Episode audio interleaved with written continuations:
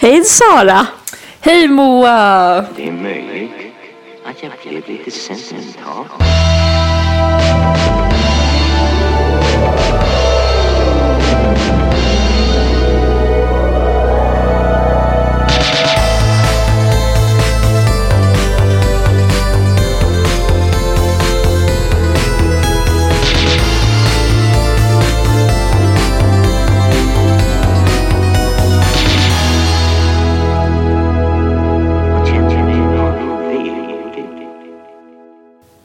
Jag, jag känner att jag måste bara komma in i myggan-mode innan jag kan. Jag vet, så om det, om det är stelt så är det det som du... Alltså så här, ni får överseende med det. Men det är för att vi sitter hemma hos mig. Och varför gör vi det? Kan man fråga sig. Ja. Det är för att vi inte är nyss hemkomna, men vi är hemkomna från att ha sett eh, Tysk höst på Uppsala stadsteater. Obs! ej spons, men det är någon sorts... Eh, det är en del av vårt kulturprojekt. Alltså vårt Kultur i Uppsala-projekt. Det är dagen. Ja. Ja, det är dag... Så skripta. ja, ja. ja, alltså det var verkligen så att det var så här, det är Dag... det är Dagerman år i år va? Stig Dagerman eh, skulle ha fyllt 100 år om han bara fått leva. Ehm, och det, han hade ju sin Upplandskoppling i och med att han växte upp i Älvkarleby hos sin farmor och farfar. Eh, så ja, men lite, lite Dagman-känsla i Uppsala. Jag vet inte om du har något att säga om det.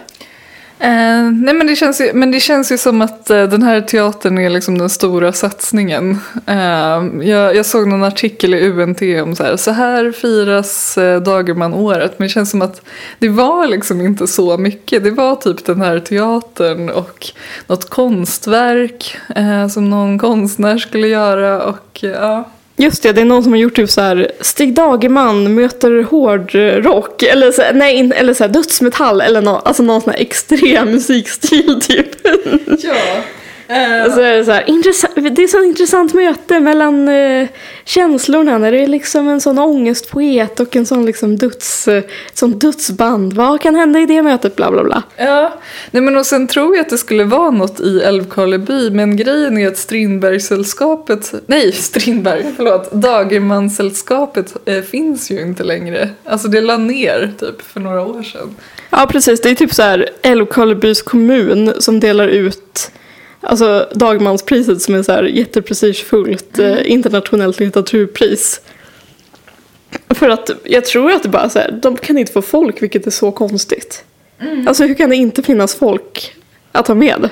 Ja, jättekonstigt. Men det känns så extra sorgligt nu när det ändå är så här Dagerman-år att liksom det sällskapet bara inte finns. För det känns som att om någon skulle liksom ställa till med någon typ av evenemang så borde det ju vara dem liksom. Men det är ju väldigt hög snittålder i sådana litterära sällskap. Alltså det vet jag som har varit på lite Strindbergssällskapet saker. Att det inte liksom det är inte purunga människor som är med där utan det är ganska så här det kan vara lite så i dödens väntrum liksom. Ja.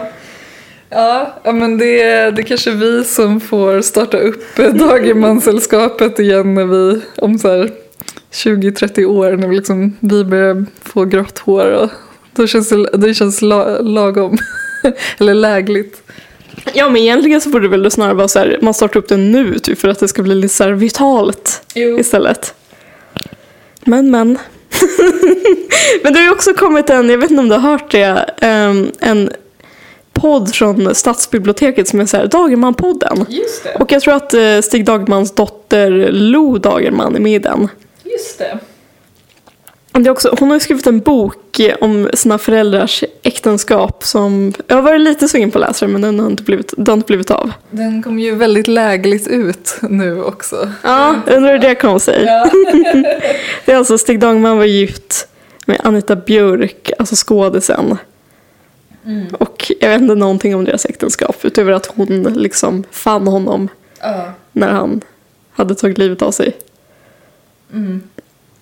Men eh, det var säkert, det finns säkert mer att säga. Ja, nej men, eh, ja, nej men verkligen. Eh, vad tänkte jag på? Nej, jag, jag tänkte gud, jag borde lyssna på den podden innan, innan vi ses, men, men jag hann inte det. Nej. Men däremot så läste jag ju Tysk höst eh, inför föreställningen. Eh, och den var bra, men jag, jag var liksom inte, jag blev inte golvad om Nej. man säger så. Det var, jag, jag kände lite, ja, men som vi pratade här innan, att det, det kändes lite som Oppenheimer i, i bokform liksom versus Barbie. Eh, så. Det, det, det känns som en väldigt killig bok att, att läsa. Liksom. Eller inte, har du några kommentarer på det? Du är ju deep inside kille. Så att... Nej, men det var jättelänge sedan. Alltså jag tror att, för jag läste den i gymnasiet.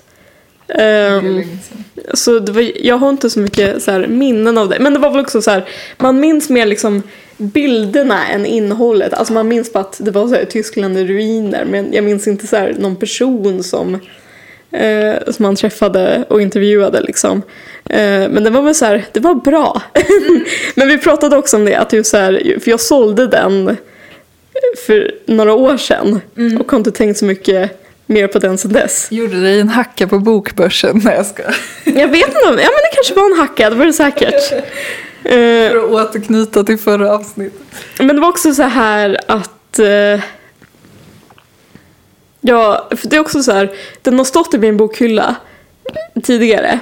Och då har det alltid varit den boken som när folk har sett min bokhylla varit så här, kan inte jag få låna den här? Så det är väl en uppenbarligen så här omtyckt och uppskattad bok som folk liksom läser. Eh, Så jag har haft den liksom utlånad i perioder och du vet redan när man lånar ut en bok, alltså så här, det är sällan det tar mindre än ett år att få tillbaka den. Ja. Så sen när jag väl fick tillbaka den och skulle liksom sälja lite böcker så var jag så här, ja, det kan jag lika gärna säga. Alltså så här, då får jag åtminstone pengar för det. Typ.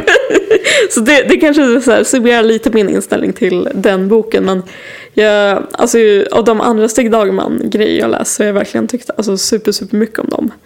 Eh, det var också vårt första poddavsnitt när jag pratade om Ormen, Ja. alltså hans debutroman från, Så starkt. ja, från 46 eller vad det är. Precis. Och jag läste ju Bränt barn i somras och Alltså den tyckte är så bra. den var superduper bra, verkligen. Eh, Det, enda jag minns, för det sa jag till dig också, att, alltså för jag visste ju liksom vad själva premissen var för, för dramat. Så det var lite som att jag satt och bara väntade på att det skulle ske. Och det är ju, eh, ja, det är ju det är en kille som blir kär i sin pappas tjej för att säga det i moderna liksom, ordalag. Eh, jag, jag liksom visste om det redan innan så jag var väldigt såhär, när kommer det ske, när kommer det ske? Men det är en otrolig stämning i den bara. Ja men det är så mycket som, jag minns bara att hans typ så här, det är mycket så här, hans mamma har dött eh, typ Ja. ett år tidigare eller något sånt där och det beskrivs liksom så här typ hur, alltså så här typ hur svullna hennes ben var innan, alltså det är så mycket så här, det är mycket så här, lite äckligt. alltså, det är mycket lite så här, äcklig ja, i den. Också hennes så kläder som är kvar som typ han, jag tror det är hans pappas systrar som bara liksom går Just och typ det, ja. plundrar hennes garderob. Och det, ja. Men Och- det är otroligt jättebra bok. Och så hans rekommenderar. typ så här mähä till festmö eller vad det är. Ja, som, som- bara så här, Som är lite som Madickens mamma. alltså hon, är, hon fryser hela tiden Ja. och är så här nervös och kall. ja. ja. Alltså det är mycket så här, alltså det är bara så här, det är väl också, jag tycker också att det är framförallt liksom den stämningen man minns. Alltså så här, han som är så här, han typ pluggat till läkare men har slutat gå på sina föreläsningar. Det är också såna ångestgrejer man kan relatera till typ. Mm. ja, precis. Och så den här lite så här brutala pappan och så, ja, hans flickvän då och så berättar jagets flickvän. Alltså det var så här, det är väldigt förtätat bara. ja. ja, men stark. Ja. Eh, Ja men det är verkligen så här, stark läsupplevelse och samma sak med Ormen. Och Tysk kust är så här, ja. Och, och så tyckte jag att det var med den här pjäsen också, att man så här, eller det, det är typ min feeling så här, ja. jag vet inte hur du kände. Ja, nej men precis. Jag ska tillägga det också att vi har inte pratat om pjäsen så mycket för vi ville spara det till, till nu. Ja. Liksom. Ja, vi har fått lägga band. Det är lite spontant så. Ehm, Vi käkade ju middag sen på House of eh, Bangala och då liksom satt vi och var alldeles knäpptysta. ja, det är också kul för det he- alltså, du säger också House of Bangla och det gör jag också men det heter faktiskt Taste of Bangla. jag ville bara, ja, jag, ville bara, jag tänkte på det när vi satt där, men alltså jag säger också det, men så såg jag skylten och bara, det heter Taste of Bangla. Men ja, god, god mat där. Ja, super. Ja. Ehm, nej men pjäsen, eh, vad ska jag säga? Nej, eh, jag tyckte inte den var så bra faktiskt. Ehm, jag kände också att det var länge sedan jag såg någonting i Uppsala som jag faktiskt tyckte var dåligt. Så det var liksom lite så... ehm, men, men ja, jag ska väl... Ska jag liksom komma till mitt så kritiker själv och liksom förklara varför?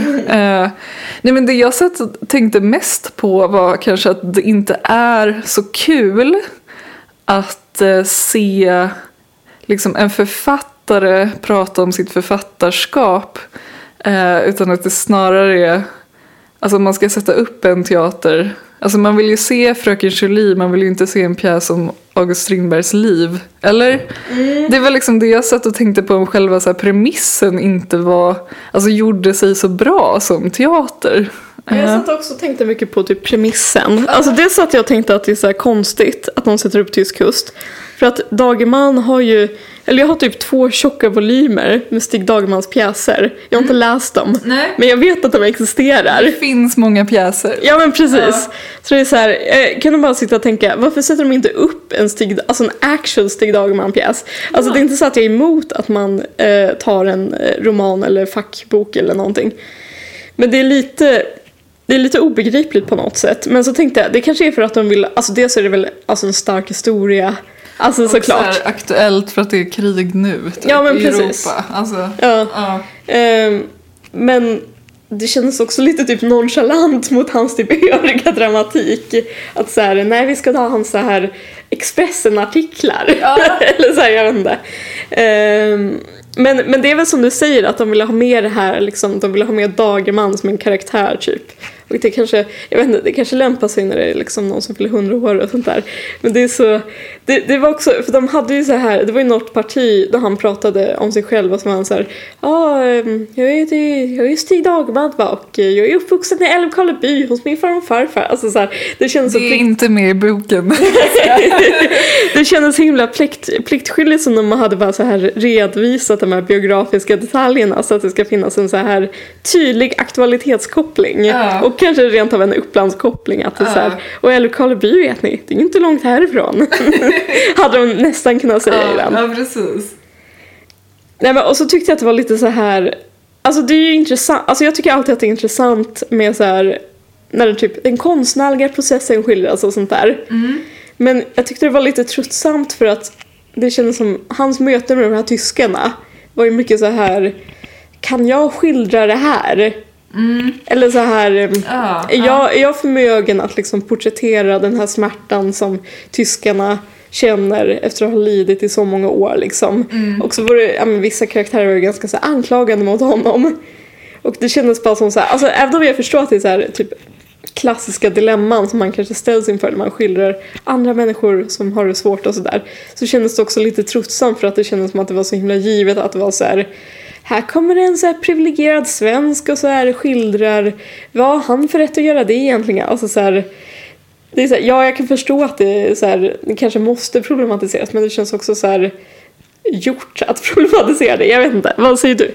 Eller tänkte du på något? Eh, jag, jag tänkte nog inte på just det, men jag håller med. Alltså, och sen känner jag, jag har liksom läst boken väldigt nyligen och jag känner inte att det problematiserandet var med jättemycket i. Nej men det känns ju väldigt mycket som en så här 20, 20-talsgrej att så här, Ja. vem är jag att skriva? Ja, ja men precis. Ja, men jag håller med. Eh, nej, men, och ja, nej men precis, men, jag- men också så här, jag, förstår, jag förstår tanken att så här, nu ska vi upps, uppmärksamma Stig Dagerman så då ska vi liksom ta med honom som person. Alltså att, men det känns som ett feltänk bara liksom. Som du sa, att det liksom finns jättemånga pjäser som han har skrivit. Och så, Men så ska man liksom ta fram honom som, som person då. Eh, så det, det känns... Ja, jag vet inte. Men det, det hade kanske också varit svårt att göra tysk höst på något annat sätt. Liksom. Men jag, jag började också tänka på, det känns som jag har tagit upp det här så många gånger, men jag såg en jättedålig uppsättning som handlade om Sara Lidman på Stockholms stadsteater. Jaha, det visste jag inte. Jag trodde Nej. det var någon som handlade om... Vad heter de? Märta Tikkanen? Nej, nej det var Sara Det var kanske en Lidman. annan grej. Ja, eh, nej det var Sara Lidman. Eh, det är också roligt för att jag alltid liksom eh, fått så dåliga upplevelser. Alltså dels såg jag så dålig teater och sen såg jag den här dåliga dokumentären om henne som var på Fyrisbiografen när du pratade. Ja, nej men men att jag bara så här, alltså är det så intressant att bara se en så författare rakt upp och ner typ prata om sitt skrivande? Jag vet. Det kanske kan vara intressant och jag tycker också att den här var bättre än den Sara Lidman. Ja, alltså den var ju, alltså, den var ju så exceptionellt dålig och Ja. hade så många så dåliga fiktionspartier. Ja, nu menar jag teatern men alltså both. Ja, same liksom. Ja, jag syftar på Lidman. Ja.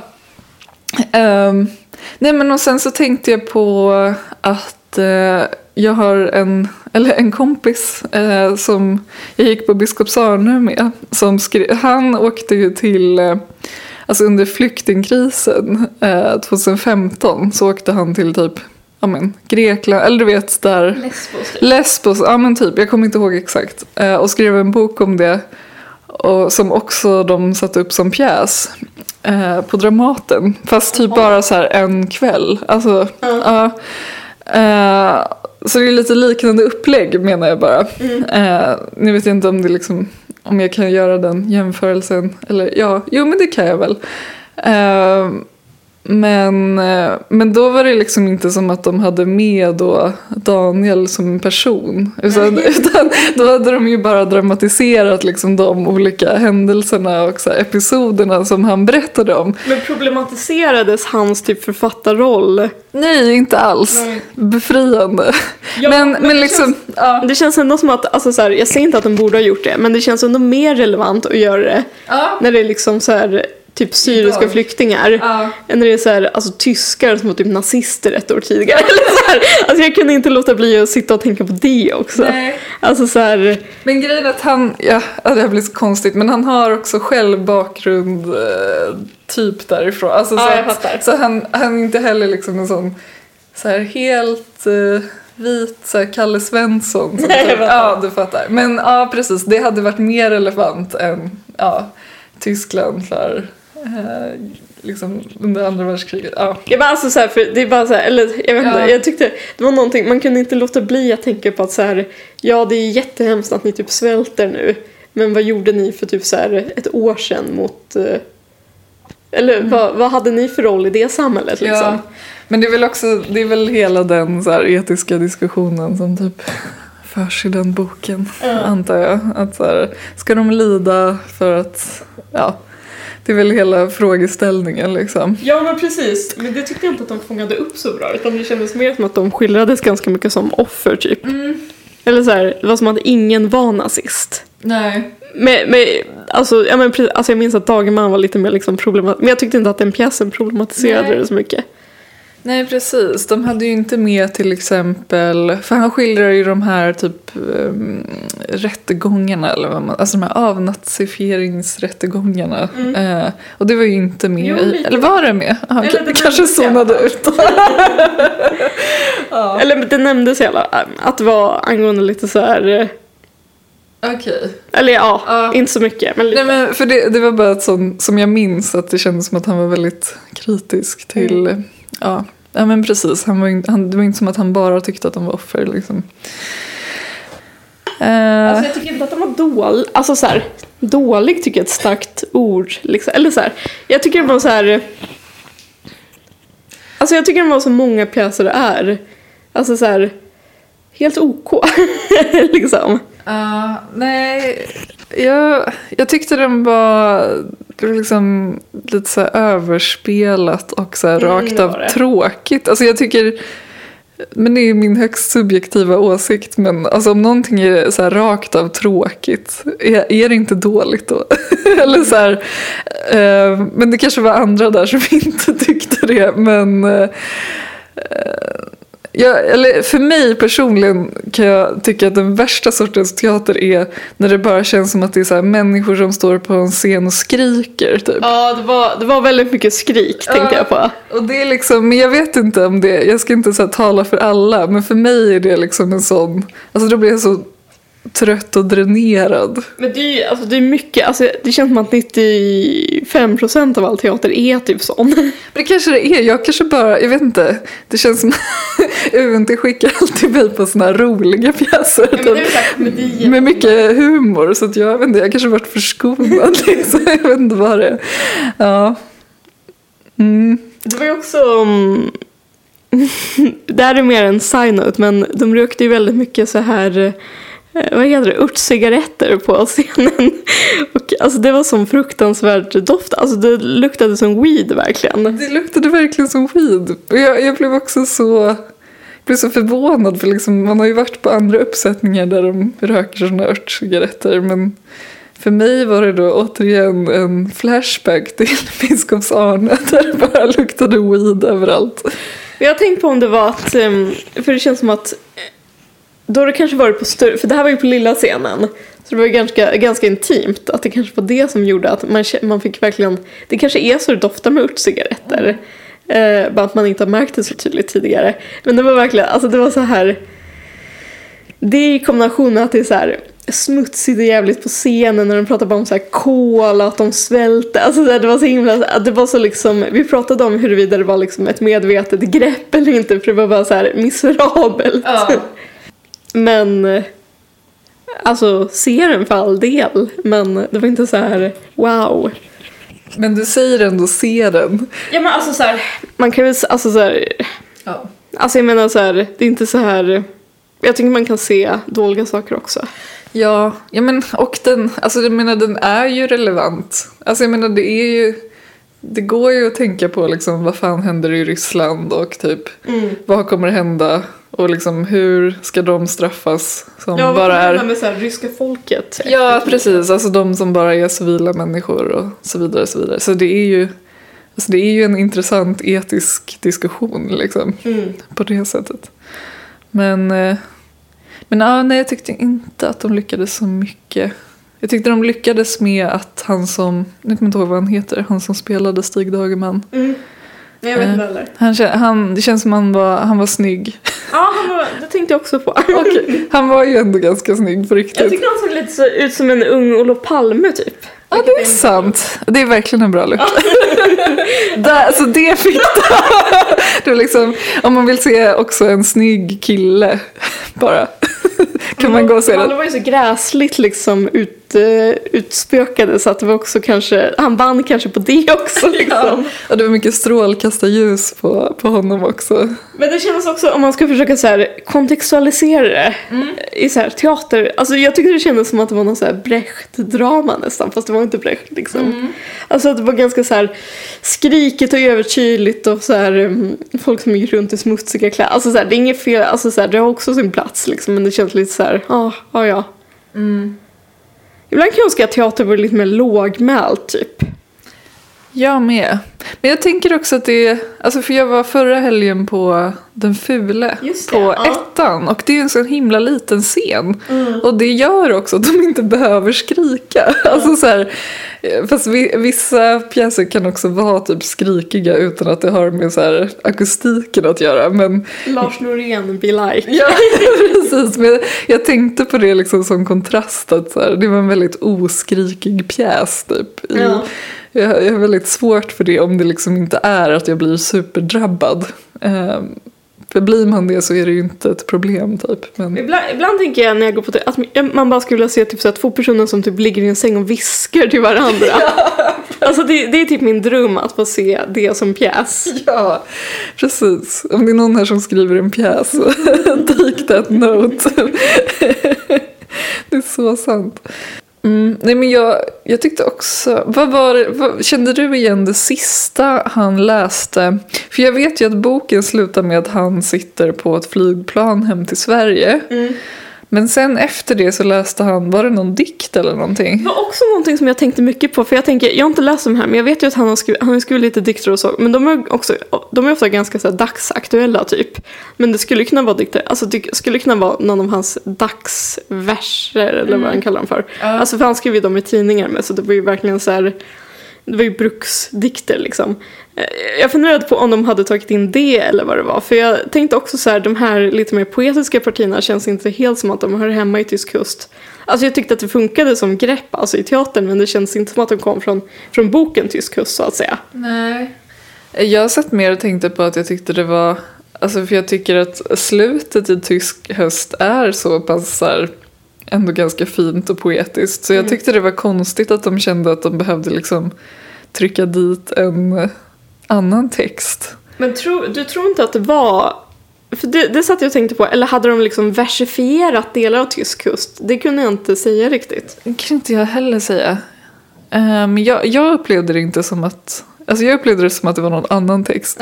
Men okej, jag kan också ha fel. Ja, men alltså jag också. Alltså jag satt och letade efter nyckeln ja. i mitt inre liksom. Men eh, okej, men vi vet inte. Men, men där tyckte jag liksom att det var, det var fint som det var. Jag tänkte nu, nu är det slut liksom. Och sen kom det så här, något annat.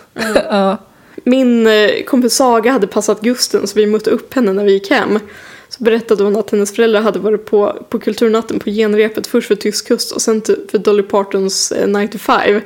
Och det kändes som en Barbenheimer Ja. för Uppsala stadsteater. Att först ska man se Tysk kust, sen går man ser 95. Men det är verkligen literally en Barbenheimer. För Oppenheimer handlar ju om, alltså det är ju samma tematik som Tysk kust. Jag har inte sett den men eh, jag har förstått det.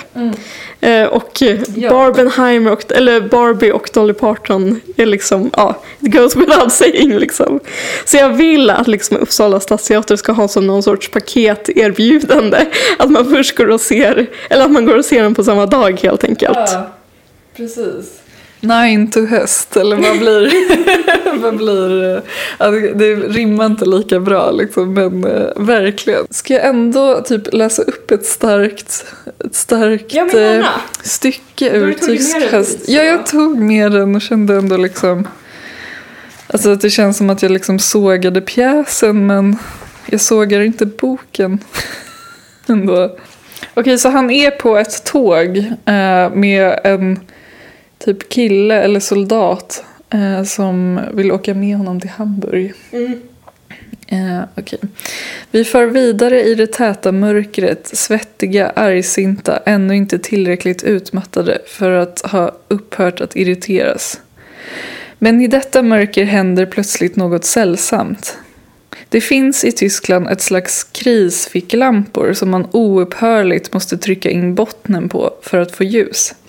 Ett gult stötvis kommande ljus och lampan surrar som en humla medan den motvilligt släpper ifrån sig sitt ljus.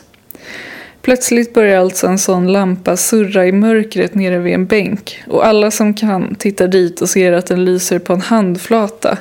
En ung kvinnas hand och i den handen ligger ett äpple. Ett stort grönt saftigt äpple.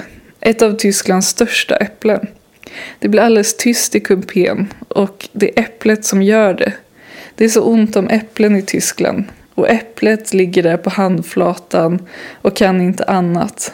Men så slocknar lampan och i den andlösa tystnaden efter mörkret hörs det förfärande tydliga ljudet av ett bett. Den unga kvinnan har bitit i sitt äpple. Det surrar från lampan igen och så ligger äpplet som nyss klart belyst i handen. Hon lyser noga på bettet, granskar det i skenet från lampan. Det är ett utmärkt bett, ett bett som man blir hungrig av. Och det är förfärligt så länge detta stora äpple och denna andlösa tystnad räcker. Den unga kvinnan med sina goda tänder som hela kupén känner lyser på äpplet varje gång hon har bitit i det. Kanske för att konstatera hur lätt materien besegras. Ja, jag slutar där. Ja men det är starkt. Det, ja. Jag, jag kände att liksom jag kom in i samma mode som när du läste upp det här stycket om ormen. Alltså, Just det, ja. jag, jag fick liksom samma känsla och kände att det här känns väldigt Dagermans. Ja, men han är ju så himla bra på, alltså, eller förlåt banalt, men han är så himla bra på att skriva bara. Ja, verkligen. Ehm, ja, men och att det kändes så... Det är så fint när man liksom kokar ner någonting till en sån bild. Liksom. Ja. Hungern i Tyskland. Liksom. Ja, det handlar mycket om hunger och liksom eh, Det satt vi och pratade om också, att vi var båda hungriga när Ja. vi såg den. Och så var det mycket så här att de satt och pratade om så här. Jag minns en tårta jag åt Ja. i Paris under ockupationen. Och så satt man och var så här. Ge mig någonting att äta. Jag var så hungrig. Men det fick mig att tänka på något som jag hade tänkt fråga dig eh, när du om du har några så rutiner när du recenserar teater. För att jag har, apropå hunger, en grej att för ofta typ när man recenserar så kanske det är typ att det börjar klockan sex Ja. och att det liksom så interferar med ens middagstid. Ja, det, är- det är alltid dumma tider. Ja, så jag har, jag har en grej att liksom, jag åker eh, till, till stan och så är jag liksom kanske där en halvtimme innan och sen så äter jag alltid en korv på Pressbyrån. Och det är liksom min korv och min Cola Zero och då är jag liksom så här lagom mätt. Ja, men För det- man vill inte heller vara helt däst Nej liksom. men det är bra. Alltså jag har en rutin som är, det är en, inget med mat att göra men den är så här, känns pin, det känns intimt att berätta om den. Okej, du måste Jo, nej men det, känns- det är, jag brukar lyssna på, innan jag går iväg, brukar jag lyssna på den här låten You Don't Owe Me av Leslie Gore. Ja, just det. Det är en sån här 60-talslåt. Ja, ja, Väldigt okej. bra. Ja, är det liksom någon speciell anledning till att det är just den eller bara blivit så? Alltså det har typ blivit, alltså, det har typ blivit lite så för att man är så här. Ja, nu vill jag visa att jag är en självständig kvinna som ska ut och arbe- äh, Ah. Ja, men Det är mycket så här, handlar om så här typ... det hade också kunnat vara 9 to 5. Ja men, ja men precis, alltså det är lite den estetiken. Att det är lite så här, ja du ska inte tro att jag är någon så här kuttersmycke som bara fyller, jag har mitt eget liv här. Ja, men vad fint. Men vadå intimt? Det känns väl mycket finare än min jag käkar en korv på Pressbyrån. Men jag har bara kommit fram till att, alltså jag, jag tänkte på det nu när jag gick på teater att jag bara, jag är så hungrig så bara, det är för att den här korven inte liksom har immundigats på Pressbyrån. Just det, ja, jag skulle ha tagit det. Ja, Nej men någon, någon matrutin är jag inte riktigt. nej. Men du kan hålla med om att det är liksom, man får aldrig mat för att man ska åka iväg, eller ja, du har inte lika långt. Nej men det är alltid så här, det är alltid så här, det börjar någon så här dum tid så att... Ja, eh, och sen kommer man hem och då är man liksom stressad för man ska börja skriva och jag vet inte. Ja, men nå- någon gång har det varit kanske så här, om man har gjort något på UKK typ. Kanske man går förbi Pressbyrån när man går hem och köper så här, en blåbärsmuffin. Ja. It's a tough life. Ja, och det, det är det liksom. Ja, Och sen så dricker jag alltid en Red Bull när jag skriver. just det. För att så här, komma Mm. igång. Jag tycker inte om Red Bull men Cola Zero går åt. Mm. Dagens fucking drinka bror! Ja! Vi dricker ju då, um, känt från något tidigare avsnitt, det österrikiska bubblet som jag fick av dig i födelsedagspresent. Ja, det ante mig att jag skulle vara med och dricka det fast jag kände så här, det här är ju nu till Moa, inte till mig. Då sitter man här och dricker i alla fall. Men trevligt, det var ju gott. Ja men, eh, ja precis. Ja men det var gott. Ja, Kändes också passande när man har sett tysk kust och dricka liksom Österrikes bubbel. verkligen. Det är liksom, Det ska inte vara någon italiensk skit. nej.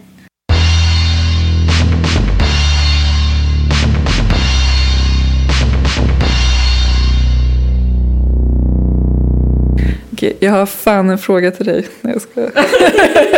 känt, känt klipp. Nej men så här, Moa. Ska Uppsala kommun satsa mer på ett ökat bostadsbyggande och samhällsutveckling i de tätorter utanför Uppsala stad som ligger ut med tågspåren Ostkustbanan och Dalabanan och mindre i Uppsala stad? Är det, här, är det här, handlar det här om spårvagnen? Alltså det här kommer vi folkomrösta om. Just det, ja, för att eh, jag visste att det var en så här väldigt obskyr fråga av slaget typ Vill du att Uppsala ska utvecklas? Men jag hade inte formuleringen i huvudet. Alltså jag, jag var tvungen att som sagt ta en screenshot men alltså jag tycker det här är så kul. Alltså jag, jag fattar inte ens frågan. Alltså hur har de kunnat, ja precis för det var väl först att det var liksom ska vi bygga den här spårvägen eller inte? Ja, och det är väl en sån här bra konkret fråga. Ja. Alltså det är en så här, ska vi utveckla kärnkraften? Alltså ska vi bygga spår? Alltså det är ändå så här, någonting man kan ta ställning till. But somewhere along the line. jag, jag, det är det konstigaste någonsin. Jag ville, bara, jag ville bara lyfta det här i vår Uppsala-podd. Ja. Att så som, så som jag med x antal högskolepoäng inte... Alltså vad är ens Ostkustbanan och Dalabanan? Förlåt men jag vet typ inte ens det. Nej. Men vad... Nej.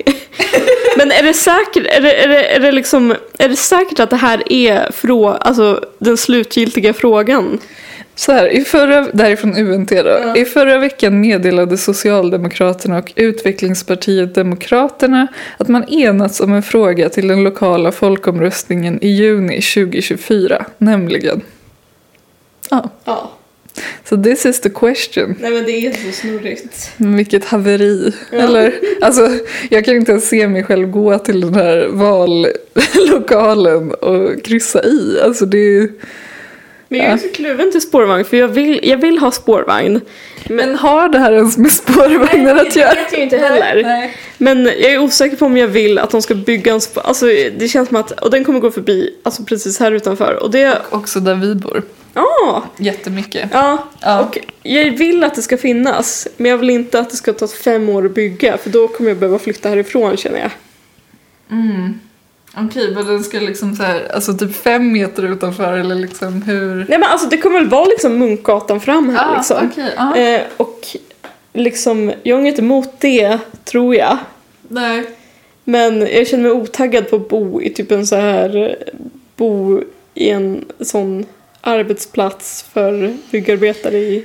Alltså det beror på hur lång tid det ska ta. Ja. Det är det. Ja, jo men gud, I hear you. Alltså det har varit väldigt mycket ramaskri ute i Nåntuna och Sunnersta för att där skulle de ju då bygga någon typ av bro över ån eh, som går liksom mitt i någon så här halvt naturreservat typ. Eh, så att folk är ju eldlågor över att det inte borde byggas. Eh, jag kan känna mig, jag vet inte, jag, jag kommer säkert inte ens bo kvar när det här liksom börjar byggas men jag tycker det är väl bra med kommunikationer.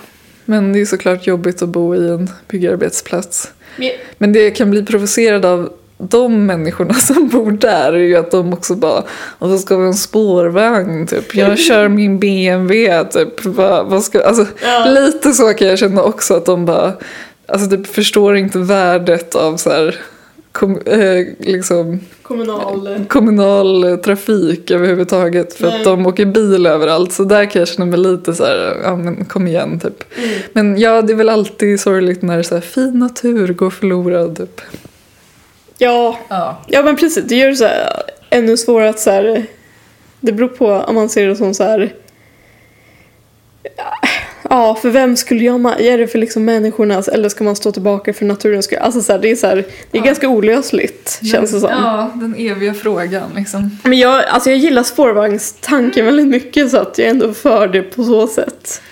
Och också typ, ja men, ja, för mig som bor lite off, alltså det hade faktiskt varit bra om det fanns ett sätt att liksom ta sig runt. För det är ju som en cirkel liksom runt Uppsala lite. Och för mig finns det ingen chans att liksom åka åt andra hållet. Utan, eller så här, jag måste ju alltid åka andra först till stan. Ja. Men här skulle jag då kunna åka typ via Sunnersta, Ultuna och komma andra hållet. Liksom. Då Ja. skulle du Då skulle jag kunna åka till SLU med Sven till exempel om någonting hände. Alltså så här, ja. Jag trodde du skulle säga ja du kan åka hit. Det, Det kan jag också göra. Det hade varit jättetrevligt. Det är ändå, det är ändå ett stort problem för mig att jag måste liksom ta buss till någon typ. Alltså Ja. så här, Det är ett problem för alla inblandade. ja. Nej, men alltså- det var, jag tycker det mitt så här, veckans LOL. ja, nej men alltså jag skulle säga att jag generellt är för spårvagn. Men att det är så himla, ja men det är så lull så att det är svårt att liksom. Men hade det varit spårvagn ja eller nej? Då hade jag förstått frågan. Ja precis. Men eh, bostadsutveckling längs med Ostkustbanan? I don't know. Kommer det finnas ett liksom ja, nej, kanske? Så kommer jag trycka i kanske. Eller det kommer bli som med den där kärnkraftsomröstningen att det är så här, Ja. ja men med förnuft. Eller Ja. så här, ska kärnkraften avvecklas? Ja, med förnuft. Det är Ska hundra det utvecklas? procent. Ja, med förnuft. Ja, jag kommer om det inte det finns som alternativ så kommer jag skriva till det på min valsedel.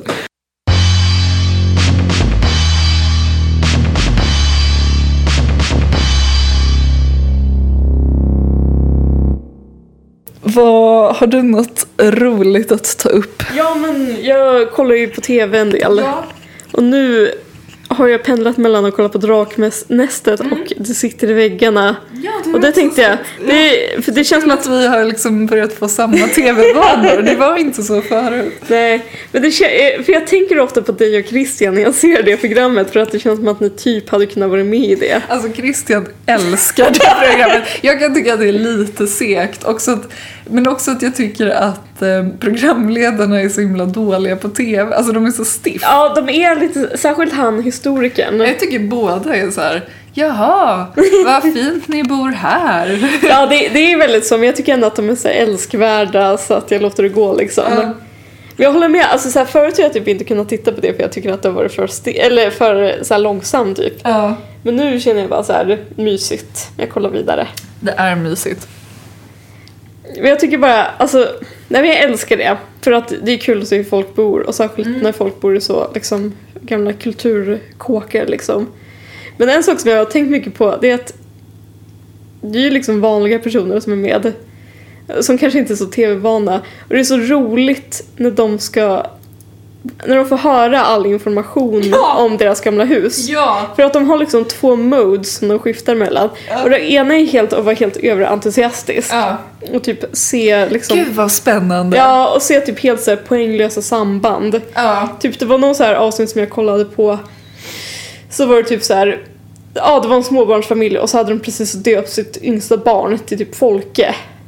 Och så var det så här, och på 1700-talet, då bodde det en Folke här och det är så här, och nu börjar vi gråta. Ja, ja, ja men hundra Det är så här, och Folke och, nu är det återigen en Folke på gården. Det är liksom, nu är allt som det ska igen. Att antingen så är det så här helt över, eller folk som typ så reagerar på typ så helt normala så här 1800-tals livsöden. Och typ så läser in det med sina så här 2020-tals liksom glasögon. Ja. Eller vad, alltså liksom att de så övertolkar det också. Ja. Eller så här, det som var liksom helt normalt på 1800-talet. Ja, ja men alltså hundra procent, jag håller verkligen med. Typ att det kan vara så här, kanske så här någon som berättar Ja, det är den här historikern som berättar Mm. om så här, ja, och sen så bodde den här personen där och sen så hände det och jada jada. Ja. Och då ofta, eller det kan vara typ så här, Han är väl också någon sån här antikrundan person tror Mm. jag. Ja, ja det är ja. ja. Eh, men då kan det vara så att han berättar så här, ja och sen så dog ju frun i familjen och då gifte mannen om sig med pigan. ja. Och då är de så här, va? Vilket svek! Men grejen var att det gjorde ju nästan alla män. Eller det var jättevanligt, alltså typ Strindbergs pappa gifte om sig med pigan. Ja. Det var bara så här, Det är typ ett problem nu att män inte kan gifta om sig med pigan. Ja, men De precis, är så jävla ensamma. ja men precis, alltså så här, det var bara så här helt liksom, det var business as usual. Det Ja. var ingen så här, Men gud, alltså så kul för jag tänkte också på det. Det var något avsnitt som jag såg där det var så ja men här bodde två systrar typ. Ja, Och det. de bara, gud de måste verkligen ha varit så nära varandra. Man bara nej, alltså det var bara det att de var ogifta typ. Ja, det var ja. liksom det de gjorde typ. Alltså jag bara så, de bara gud de måste verkligen ha älskat varandra så mycket. Man Ja, bara, så eller typ inte, de kanske störde sig asmycket på varandra men det var liksom Eller livets lott. liksom. Ja men precis, det var mycket så här. och så testamenterar de sina grejer till varandra. Alltså, vem annars skulle de Ja, testamentera alltså så här, men ska, ska de bara ta någon tjomme på gatan och ska vara så här, ska vi in den i testamentet? Alltså det är helt orimligt liksom. Åh, gud vad kul att du också har reagerat på samma. Så det är antingen, det är det ena liksom modet, Ja. men sen finns det också de som låter ganska så här lite halvt ointresserade när de lyssnar på det. Ja. Uh, vilket jag tycker är kul. Alltså så här, att det är så här, jaha, jaha, ja. Och det, och det kan jag typ så här, grejen är att jag kan se mig själv i det. För att det är typ så här, mycket när jag pratar med äldre personer så kan jag få in det här lite robotlika, alltså när man typ så här, en gammal person berättar om hur det var förr typ. Och så är det så här, man, det går, man går lite på liksom autopilot nästan. Och då blir jag så här själv, eh, självmedveten när jag ser de här göra det. För att jag känner, jag känner, jag känner liksom mitt eget sätt och tänker så man måste vara så lame och prata med som bara säger så nej och så är det lite så inövat liksom. Ja, men det måste vara jättesvårt. Alltså, för jag, ja, det var också något avsnitt där jag bara satt och skrattade för att det var någon kvinna som sa samma fras hela tiden. Alltså, jag minns inte, men det kanske var gud vad spännande. Ja, alltså så säger hon det typ hundra gånger. Ja. Men jag menar, jag vet ju själv när jag sitter och klipper våran podd hur jag säger samma uttryck hela tiden. Så man hade ju säkert själv gjort det också. Ja, alltså verkligen. Och så undrar jag verkligen hur de liksom Alltså det måste ju vara så stelt också typ Om ni ställer er här i det här rummet med det här ljuset så läser han upp den här informationen. Alltså man måste ju tänka också på vilken awkward situation det är liksom. Ja, Om ni så här, eh, ska vi ha bokhyllan som bakgrund eller ska vi ha det här? Alltså, Ja, men och att de kanske har gjort om tagningar alltså så här, Ja. fem gånger Ja. innan. och det tänker man ju inte på när man tittar på det liksom. Men, Nej men precis, alltså, det är inte så att jag så här, sitter och föraktar de som är med i det utan det är, det, är, det är mer att man ser liksom så maskineriet bakom eller Ja. produktionen. Verkligen. Och så blir man lite så här, ah gud. Ja, men jag tycker också hon byggnadsvårdskvinnan är så himla stel. Hon är stel men hon är ändå älskvärd tycker jag. Ja. Eller? Jo. jag vet inte, jag kan tycka hon känns lite präktig. Men eh, hon gör ju bra grejer. liksom. Så. Men det är också en kul sak jag tänkt på. För det, alltså alla såna här program är ju ganska skriptade liksom. Och så har de ju alltid ett projekt som de vill ha hjälp med. Mm. Typ så här, vi vill ha hjälp med att måla om den här grinden eller vad det kan vara Ja. liksom. Och så ska de alltid låtsas som att det kommer helt out of the blue. Ja, ja precis. Och så, och så ibland, någon gång har det varit så att typ så här, för jag kollar på väldigt många avsnitt liksom i rad för att Ja. det har legat många avsnitt ute nu. Ja. Ja men så har det varit så här, kanske att de säger det lite för tidigt så här, och så kanske ni kan hjälpa oss med eh, att måla om hallen. Eller så här, att det är som att de liksom säger sin replik för tidigt liksom.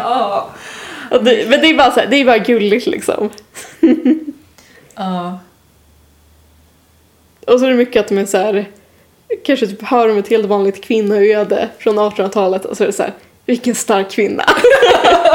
Jag minns också ett avsnitt där det var där det var typ att mannen såg så här helt oberörd ut under hela inspelningen.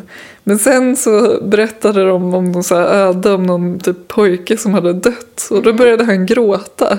Och både jag och Christian var typ så här, gud han har känslor. Alltså han var helt tyst och hade du vet så här helt, alltså samma min under liksom alla berättelser. Och vi skämtade om att så här, gud han inte bryr sig om det här. Men sen från ingenstans började han gråta.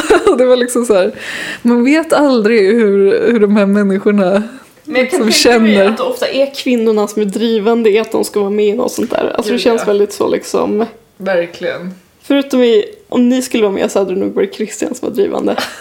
Men i alla andra fall.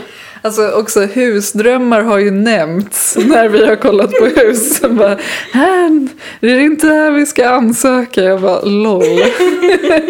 Kan inte tänka mig något mer awkward men absolut. Men jag, jag, ty, jag tycker ofta man ser så ett ungt par, typ jag såg någon så här det var typ ett par, ett ungt par som bodde i typ ett så här um, ett soldattorp utanför Enköping. Okej. De var lite alternativa, hade träffats på en folkhögskola typ. Okay. Det var så att jag bara såg det bara så här, där är Sara och Christian typ. Lite alternativa. så här. Nej men de var, en, de var musiker. Ja, jag förstår. Jag måste bara så tänka, för jag har också sett en del avsnitt men jag har absolut inte sett alla. Så Nej. Nej men jag har inte sett alla men jag har sett, jag har sett majoriteten av de som ligger ute på SVT Play nu. Ja, ja. Jag har ju sagt det här till dig men alltså jag stör mig ju på hon Sara Wimmerkrantz. ja, men det kan jag verkligen tänka mig. Ja. och så en sak som jag... Jag tror att du stör dig mer på henne än vad jag gör. Ja, men det är också det som stör mig så mycket nu som jag har insett nu när jag har kollat. Att hon har samma kläder på sig. Nej, Det är ju alla. Ja. Men det är att varje gång ordet miljö nämns, då zoomar de in på henne. ja. ja men det är verkligen, alltså hon är så hårt profilerad. Ja, alltså så här, Jag tycker också att hon har den här gröna klänningen på sig gör också att det blir ännu mer så här. Ja, men jag, jag vet inte om du nämnde det här i förra podden eller om det var någon annan gång. Du sa såhär, ja hon har den här miljöprofilen men det var också hon som typ så här, tog typ så här, Ja, hon startade han- Footway. Ja, alltså ja. så här typ ja. hur kan man ha någon sorts, hur kan man ha någon sorts så här grönt patos om man liksom har så här se till att typ, man har liksom format det så här konsumentbeteendet som sådana stora liksom onlinebutiker har. Jag Alltså, så håller här, verkligen med. det är helt obegripligt. Men det, väl, det kan ju också vara att hon försöker liksom Greenwasha. make mens för det. Uh, det får jag för mig att jag läste någon intervju med henne också någon gång där det nämndes. Typ, hur känns det? Och då tror jag att hon liksom då då? sa att så här, men jag har ju försökt liksom ändra kurs sen dess. Typ. Ja. Ja, men, men- alltså, it's, ja, det är fortfarande Jag köper still true. det. Liksom. Ja, det är bara någonting jag, som slår mig varje gång. För det ofta, de nämner ofta miljön som argument alltså till när de försöker sälja in någonting i dragkastet. Verkligen. Och då är det så här, spiken är så här, ska Sara Wimmerkrantz Ja. liksom eh, nappa på det här erbjudandet om en grön omställning? Ja, är det. Ja. Men eh, vilken, för jag frågade Christian för ett tag sedan, men vem är din favorit? För min är ju Shervin. Han är härlig! Ja, väl, fast hon Lena är också Ja, härlig. Lena är min favorit. Ja, men jag ja. gillar Shervin också. Ja. Men jag gillar också hur det är upplagt hur Shervin alltid kommer in sist. Då får jag en känsla av att det är han som liksom matters in the end. Typ. Mm, Ska mm. Shervin säga ja eller nej? Typ. Ja. Men han känns ju också, han känns ju lite mer böjbar än många av de andra tycker Mm. jag. Alltså det känns som han bookbeat-människan, nej Storytel. Ja. Han investerar ju aldrig. Nej, han ser också, han ser lite liksom, han gör sig inte så bra i tv heller. Han ser Nej. lite sur ut hela Ja. tiden. Och hon, Sara Wimmerkrantz investerar inte heller så ofta. Nej. Så det känns som att så här, det är upp till honom och typ hon Lena om det ska bli någonting. Ja. Jag tycker man tänker mycket på också, typ så här, hur mycket pengar har du i omlopp? Ja, Så- verkligen. Alltså man, när man sett några säsonger så börjar det plussa ihop. Ja, men och så bara tänker man så här, ja det här avsnittet så gick men det så här, in i en- tre bolag. Ja men så här, en halv miljon där. Men ja. grejen är att majoriteten av de där affärerna blir inte av vad jag förstått. Nej, du sa det. Så, Spännande. ja. Ja. Alltså för sen så liksom, Och sen går de ner till liksom the details. ja men sen så sätter Ja. de väl juristerna på det. Ja. Och då håller det aldrig. Men det är ju för sig, det är bra tv då att det verkar som att de investerar mer. Ja, fast man skulle vilja se, alltså jag skulle typ vilja se förhandlingarna efteråt också. Ja.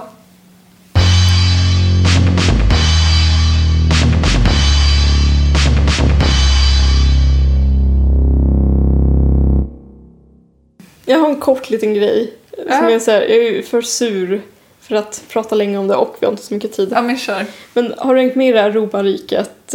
Ja. Ja, jag hatar det. Men det är, någon, det är väl någon influencer som har hävdat att det är hon som Ja, har myntat det. Ja, jag hörde om det i Rullar vi. Ja, Eh, det har varit mycket rabalder med Julia Frändfors på sista tiden. Just det, liksom, det med har det här det. fas 3. ja just det. Ja. Nej men jag kände bara typ, har ni inte hört avsnittet där jag sa att vi skulle ta farväl av liksom manligt och kvinnligt spaningar? Just det. Och sen ja. så bara händer det här och så känns det som att alla bara, alltså inte för att folk lyssnade på det jag sa, men nu känns det bara som att det är så här, alla har dragits med i det här och att folk älskar, alltså folk älskar att leva i någon sorts Åsa-Nisse live typ. För det är så här, Ja. män är så här och kvinnor är så här.